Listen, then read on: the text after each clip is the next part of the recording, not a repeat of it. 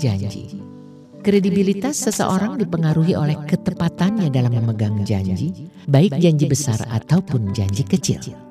Orang bisa dipercaya karena senantiasa memegang janji. Begitu pentingnya masalah janji.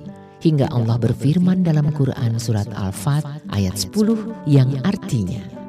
Sungguh orang yang berjanji setia kepadamu, tiada lain berjanji setia kepada Allah.